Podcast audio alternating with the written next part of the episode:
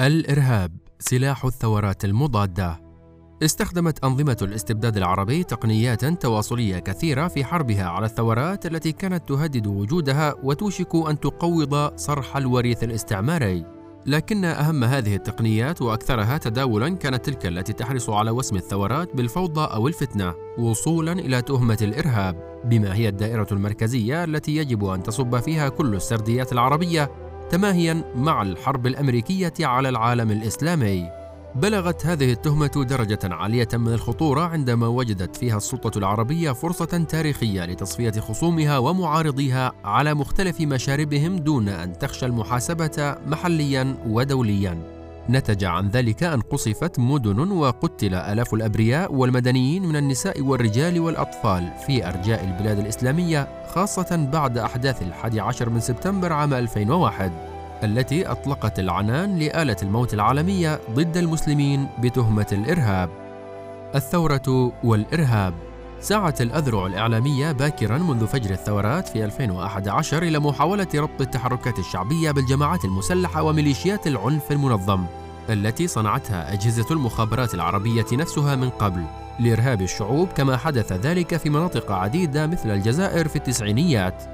وهو الأمر الذي رأيناه في مصر وفي تونس وليبيا واليمن والعراق وسوريا وغيرها من البلدان التي حاربت فيها الأنظمة الأحزاب الإسلامية المعارضة عبر خلق فصائل العنف المسلح لتبرير قمعها. في تونس حاول بن علي ربط الاحتجاجات الشعبية في 2010 بالجماعات الإسلامية لكنه فشل في تسويق هذه الرواية بسبب سرعة الحراك الاجتماعي وقدرته على الحسم مبكراً. وهو الأمر الذي حدث في مصر بسبب سلمية الاحتجاجات وقدرتها على حشد المدنيين في الميادين والشوارع مما لم يترك لأجهزة النظام القدرة على المناورة وصناعة الجريمة.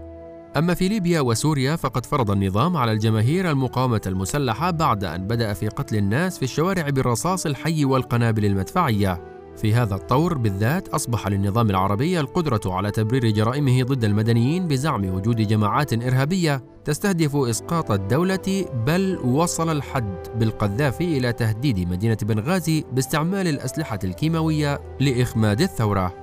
بعد سقوط واجهة النظام في مصر وتونس وليبيا وبلوغ الثورة السورية أوجها انطلقت الأبواق الإعلامية العربية الرسمية في شيطنة الثورات فوصفت الربيع العربي بأنه خريف إسلامي.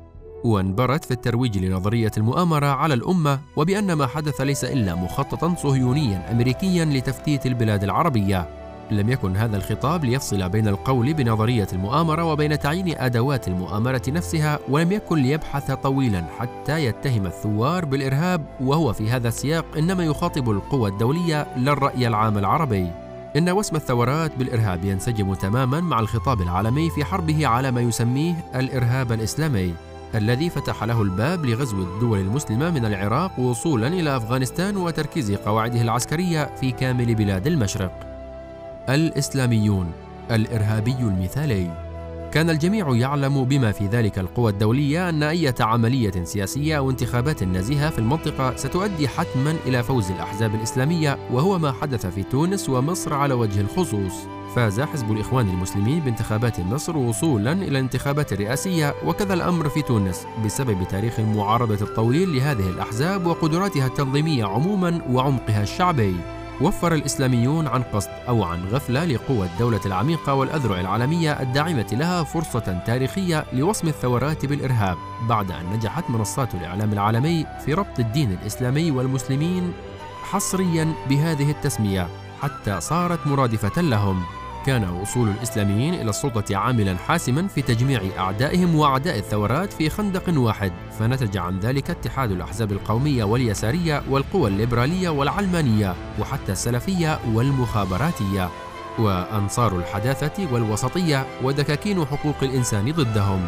كان الإعلام رأس حربة الحرب على الإسلاميين قناعا للحرب على الثورات ومساراتها.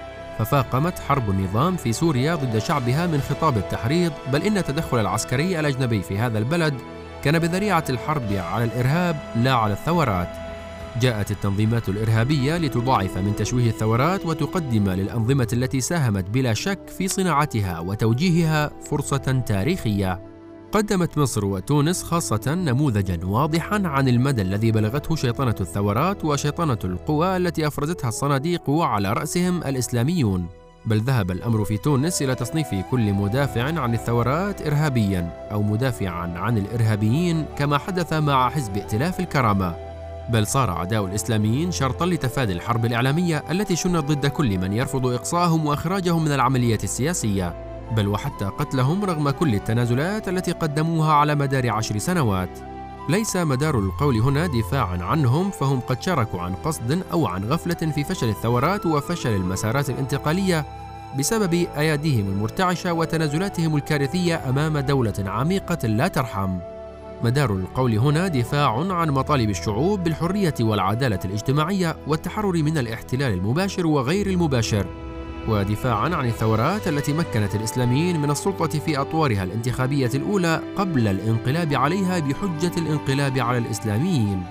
في تونس مثلا اتهم الإسلاميون بالإرهاب وبالاغتيالات السياسية وبالتسفير إلى بؤر التوتر وخاصة في سوريا. كما اتهموا بمراكمة الثروات ونهب المال العام وغيرها من التهم لكن إلى اليوم وحتى بعد أن جمع قائد الانقلاب كل السلطات في يده لم ينجح في إظهار دليل واحد يدينهم. في المقابل اقترفت العصابات الحاكمة كل أشكال الإرهاب النقابي والسياسي والاقتصادي والإعلامي لكن لا أحد كان قادرا على إدانتها أو محاكمتها لأنها طرف في جريمة تدمير الدولة وتدمير الثورة وتخريب المسار الانتقالي بعلة الحرب على الإسلاميين.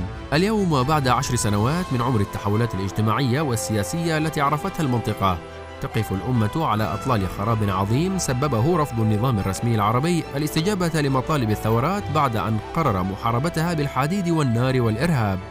مشهد الخراب الكبير هذا هو الذي سيصوغ عناصر المرحلة المقبلة في ظل أزمات عالمية لا تكف عن التفاعل.